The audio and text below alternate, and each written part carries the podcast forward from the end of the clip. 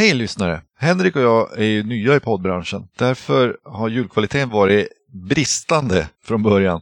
Vi vill utföra en varning här för det och säga att det blir bättre från och med avsnitt 4 ungefär. Så håll ut!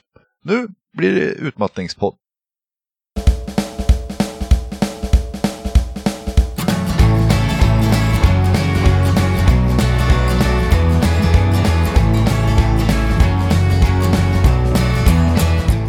Välkomna till Utmattningspodden. Med Andreas och Henrik.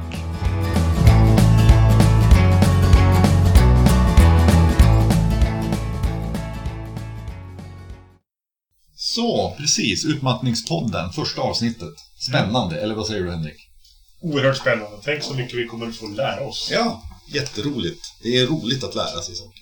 Mm. Eh, vi tänkte börja med att förklara varför vi gör det här och hålla en kort presentation så att ni vet vilka vi är. Mm. Vill du börja Henrik? Vad är din essens? Min själva pudelkärna måste ju vara att jag är psykolog. I det här fallet i alla fall. Jag har jobbat med utmattning både som utredare faktiskt. Försäkringskassan låter landstingspersonal undersöka hur sjuka folk faktiskt är. Och i tveksamma fall är det många utmattade det gäller. Men jag har också jobbat mycket med behandling, grupp, enskilt. Och framförallt jobbat med psykiatri i stort och smått. Just att hjälpa folk som mår dåligt på olika sätt och behöver rehabiliteras. Mm. Annars är jag från Västerbotten. Bor i Umeåtrakten, kommer från Skellefteå. Och nästan likvärdiga städer. Just det. Så, är du nöjd så? Det finns alltid mer att säga om mig, men det vore ödmjukt- oödmjukt att säga. Ja, just det. Ehm, jag heter då Andreas Kaltenegger ehm, och det är jag som är den sjuke i det här sammanhanget. Jag har utmattningssyndrom och depression. Eh, Men jag har varit, eh, för det och eh, för en sköldkörtelproblematik så har jag varit sjukskriven. Spännande, det här borde vi göra en podd om. Ja, tänk, en hel poddserie kanske. Mm. Jaha, här finns det grejer att berätta. Men det, det här innebär att det, mycket av det vi säger utgår ifrån min erfarenhet som vi hoppas är någorlunda allmängiltig. Mm. Eh, och så använder vi Henriks psykologkunskap för att eh, utveckla och förklara. Eh, det jag kan säga om mig själv är att jag flyttade från Norrbotten 1998 ner till Uppsala för att eh, plugga. Och har blivit kvar där. Jag arbetar som arkivarie. Men jag har också en examen i etnologi. Som, även om det inte är psykologi, eh, också är studiet av människan Mm. som kulturvarelse då och i grupp medan Henrik eh, håller på mer med individer, Mm. föreställer jag mig. Precis.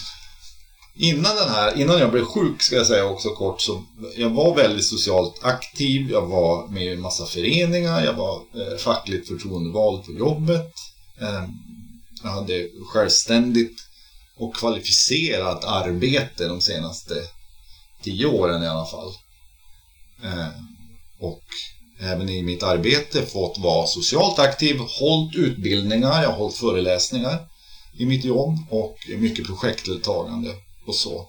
Ehm, Så jag har haft ett aktivt liv men alltid haft tid för återhämtning Mm. i vardagen. Eh, Eftersom jag har fru och hund men inga barn så är det bara återhämtning när jag är hemma.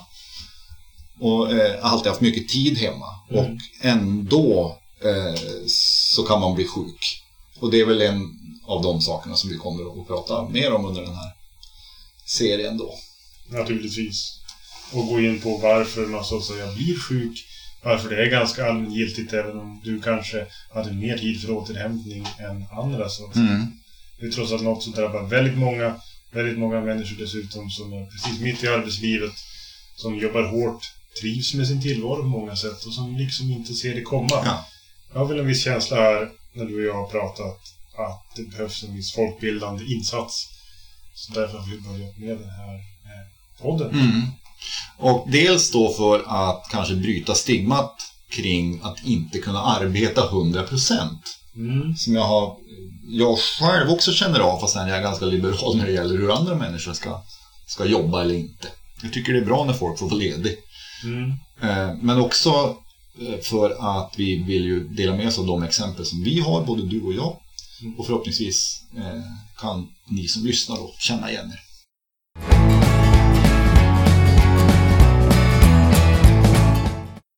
Vad ska vi prata om idag, Henrik? Jag tycker vi tar som första ämne i det här första avsnittet vad utmattning egentligen är. Mm. Börja från början, säger du. Mm. Vad trodde du att utmattning var innan du själv drabbades? Det, eh, det, är ju en, det är ju en väldigt bra fråga. Det är ju svårt att komma ihåg naturligtvis. Mm. Jag hade ju vänner som var, eh, fick utmattningssyndrom eh, som diagnos. Ganska, och det var många år innan jag själv blev sjuk. Och jag visste ju att det var fel. Jag förstod att det var på riktigt. Mm. Att man inte kan rycka upp sig liksom. Mm. Eh, det, är inte, det är inte bara trötthet. Eh, och jag vill inte eh, säga att man inte kan förstå utan att ha erfarenheten. Men det är ändå den känslan som jag har nu när jag själv har, har, blivit drabbad. Det skulle låta lite pretentiöst att säga att andra inte kan förstå. Precis. Eh, och jag, jag tror inte att det är helt sant, men det är ett sätt att beskriva en känsla Den är mer än... än Den är väldigt stor den känslan. Ja, det, det, är ju, en- det, det finns en maktlöshet hos den som är sjuk. Att inte kunna förklara, att inte känna Mm. att, att omvärlden kan förstå. Ehm, så, så, det, eh, så är det nu när jag står innanför staketet. Men din fråga gällde ju när jag stod utanför staketet. Mm. Och det jag kommer ihåg är att det var väldigt svårt att ta till sig. Mm. Jag försökte förstå. Jag tvivlade aldrig på att någon var sjuk, men jag minns att jag, jag, jag kände tydligt redan då att jag, jag, jag, jag vet inte hur jag ska göra för att ta till mig det här. Att förstå de andra. Liksom. Nej. Nej. Jag minns att det var svårt. Nej, men där kommer man in mycket på att ens mall för när människor är skadade i mo- moderna samhället upplever jag är att man är sjuk och sen blir man frisk. Ja. Eller hur? Och särskilt när man inte riktigt kan jobba och är sjukskriven så, så blir man till slut frisk och är tillbaka på arbetet ungefär som förut. Men eh, om man tittar på forskning om vad utmattningssyndrom är, som är den formellaste diagnosen i det här sammanhanget, Mm. så skulle man snarare säga att det är en hjärnskada en sjukdom som liknar virus och bakterier som är liksom främmande och sen försvinner helt ur kroppen. Mm. Det här med att säga att en hjärnskada, det gör mig kanske inte otroligt mega populär i exakt alla läkarläger och sånt där. Jag Nej. skulle säga att det finns nog mycket forskning för att säga att säga säkert att det fungerar som en hjärnskada i vart fall. Mm.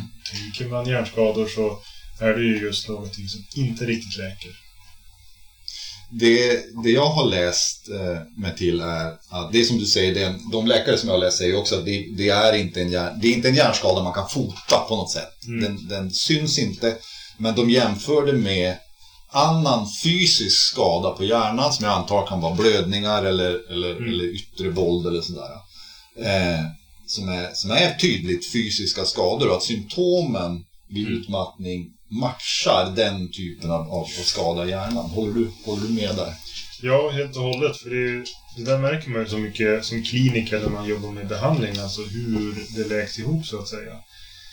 Eh, jag har försökt se all forskning som finns nu och den modernaste och det finns enstaka studier om biomarkörer som inte alls är lätta att eh, se. Men biomarkörer är alltså sånt som syns på prover och på magnetresonanskameror och sånt där.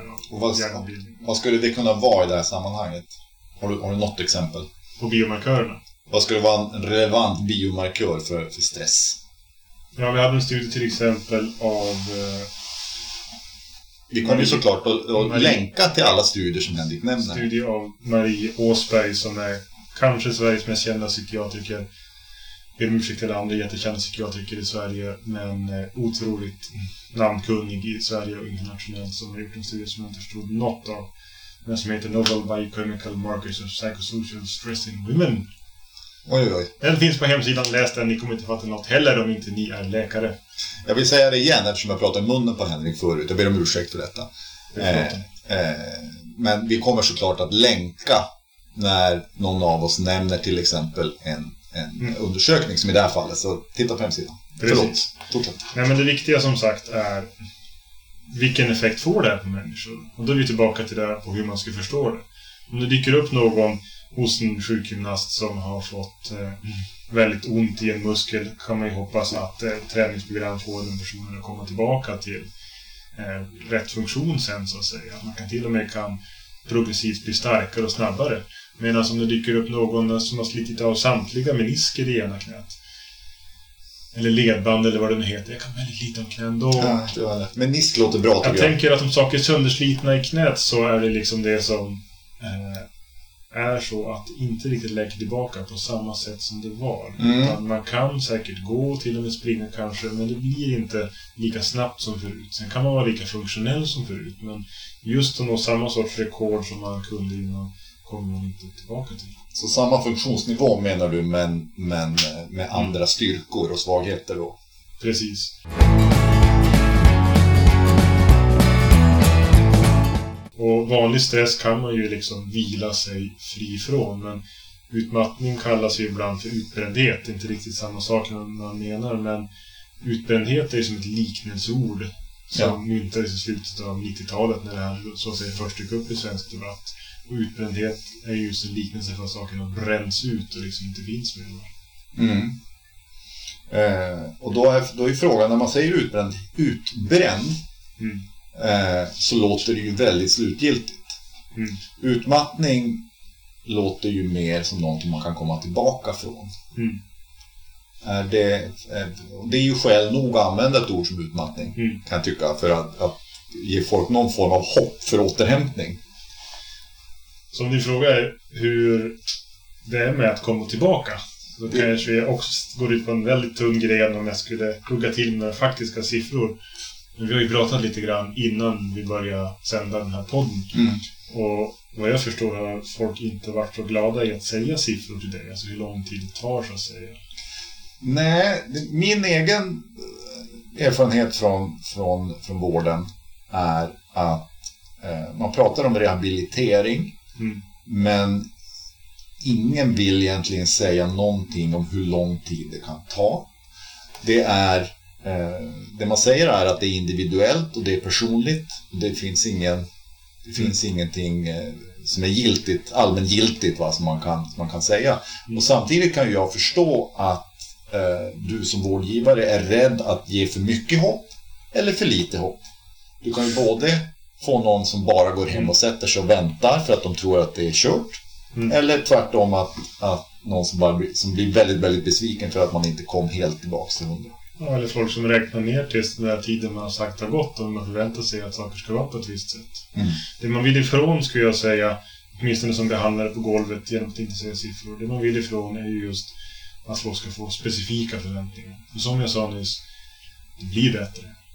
Men det blir inte på samma sätt som förut. Nej. Och när helst man gör utfästelser så blir det väl ofta så att folk får specifika förväntningar. Så därför så tänker man sig kanske att man inte säger någonting som man inte, så har man inte i alla fall falska förespeglingar. Men nu är ju inte du en av mina patienter så Nej. du kan ju ändå drämma till med någonting. Om jag ställer en, en konkret fråga till dig då, Mm. som du kan drämma Mm. tillbaka. Jag är ju 43 år nu. Mm. Eh, eh, jag tänker mig, när man är över 40 då är man medelålders. Mhm. Om, om inte förr till och med. Vad, har jag, vad kan jag förvänta mig här efter min utmattning? Jag skulle säga att du är i det åldersspann men vanligtvis inte kommer tillbaka till heltidsarbete. Åtminstone inte i det yrket där man brändes ut. Mm. Om yrket var en viktig del av det man överansträngde sig i. Ja. Det finns ju alltid någon typ av överansträngning så att säga. För det är vissa delar av hjärnan som utbrända, absolut inte hela. Det är ju som samordnande, de som klarar stress. Man har tagit i så hårt att stressen, eller förmågan att hantera stress har blivit avtrubbad. Starka Mm. stresspåslag får en inte reagera längre samtidigt som, kan det vara, samtidigt som det kan vara konstanta stresspåslag. Hela stresssystemet är liksom utbränt just. Och är man över någonstans mm, 35 hugger jag till med en siffra, delvis i luften men också ur erfarenhet, så har man inte lika goda chanser att komma tillbaka till precis samma procent och funktion som förut. Ju yngre man är, jag har definitivt träffat människor i 20-årsåldern som visar klassisk utmattningsproblematik.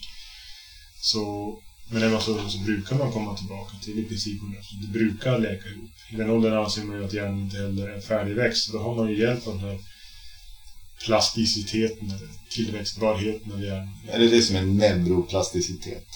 Jo, precis. Och det blir lite värre ju äldre man är. Så är man ju över 60 när man blir utbränd så är det väldigt lägligt att se sig om efter helt andra sysselsättningar Mm. under den, den tid man eh, ska försöka anstränga sig ordentligt mentalt. En följdfråga på detta. Mm. Om det nu är lättare, som du säger, eftersom hjärnan inte är färdigutvecklad i den unga människan Mm. som drabbas.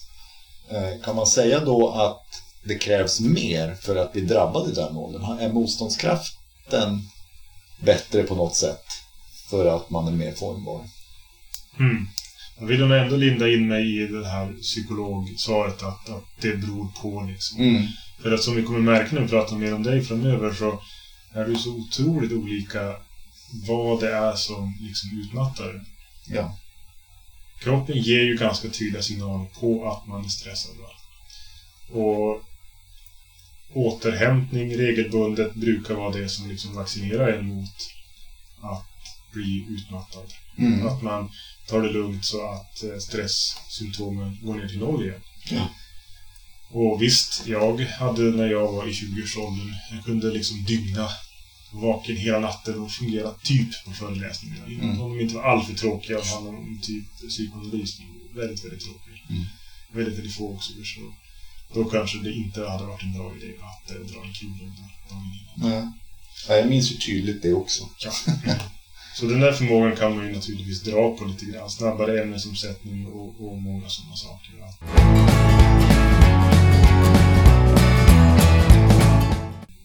Själva stress... Eh, eh, för nu, om vi, säger, vi pratar om stresspåslag Mm. och eh, det kan ju vara andra saker än, än jobbet. Mm. Det kan ju vara eh, föreningsliv eller, eller att du har egna projekt om du eh, försöker eh, göra en podd eller någonting till exempel. Vad är finns det olika sorters stress i det här? Det, är, det tror jag är en ganska vanlig fråga om någonting. Man hör ofta talas om att det finns bra och dålig stress. Mm. Eh, vad säger du om det? Jag har hållit många föreläsningar mina dagar om hur stresssystemet fungerar. Det allra mest grundläggande är man alltid börjar med någon slags slide som föreställer en afrikansk savann och dyker upp ett lejon som har tänkt äta upp dig. Och då är ju stre- kommer stresssystemet i kroppen till sitt esse. Det är liksom då stressen ska, ska få dig att kuta eller slåss liksom. Antingen stryper du lejonet eller så klättrar du upp i träd. Eller, jag vet inte om lejon kan klättra, men du ska komma undan eller liksom slåss. Men... Om du inte har fel på disken förstås. Ja, då blir det lejonmat. Ja. Men det får lejon i ett normalt svenskt liv. Jag skulle säga att i ett kontor är det inga alls oftast. Men där Nej. finns väldigt mycket stress. Och då kommer ju inte stressen helt till sitt esse eftersom det egentligen bara används i själva hjärnan. Och det där är ju kanske den dåliga stressen så att säga. När, det, när kroppen använder system som inte riktigt tänkt för det för att uppamma en otrolig massa energi för att till exempel möta en deadline på något slags copywriting-projekt eller vad man nu kan ha för kul jobb. Då får man en massa stress i hjärnan det bara, som bara delvis liksom används där det är tänkt och resten liksom samlas som en slags föroreningar i kroppen och blir kvar.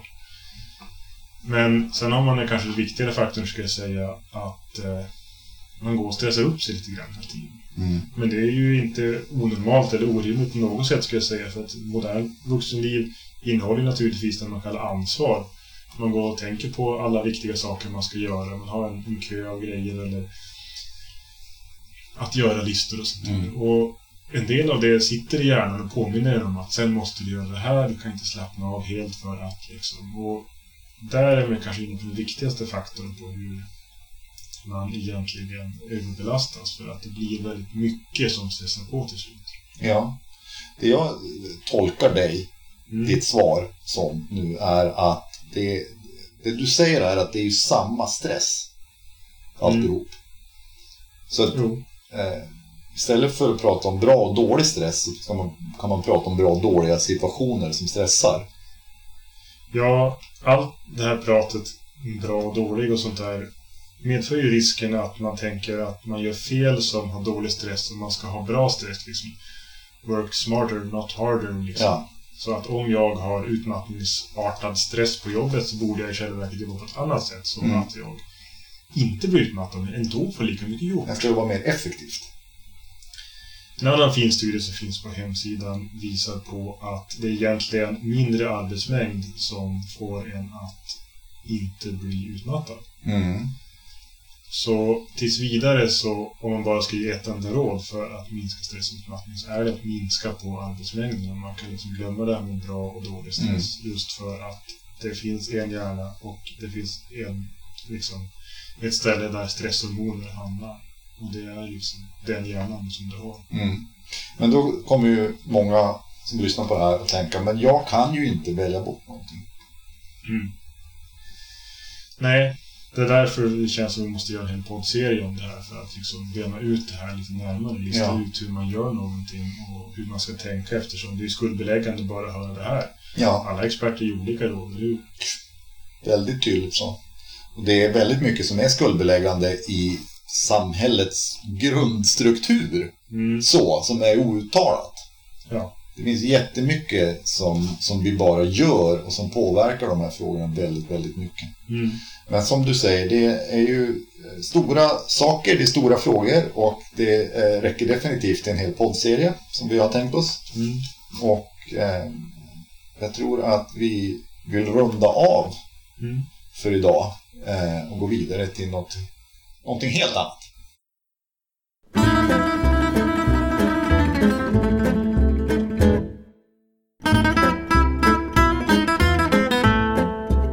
Ja men då så, som avslutning så tycker jag om att ta en liten fakta eller någon sån här psykologisk pubquizfråga på det här. Känner, Ja, så trevligt. känner du dig redo för en fråga som berör allmänbildning? Jag alltid redo för allmänbildning, Henrik. Då kommer 10 000 kronor frågan här. Vilken minister sade 2007 att hon minsann fick en släng av utbrändhet på 90-talet? Men det räckte med tre dagars sjukskrivning så var hon sen tillbaka på jobbet. Eh, och hon, det var en kvinna sa du. Och hon sa det 2007. Mm.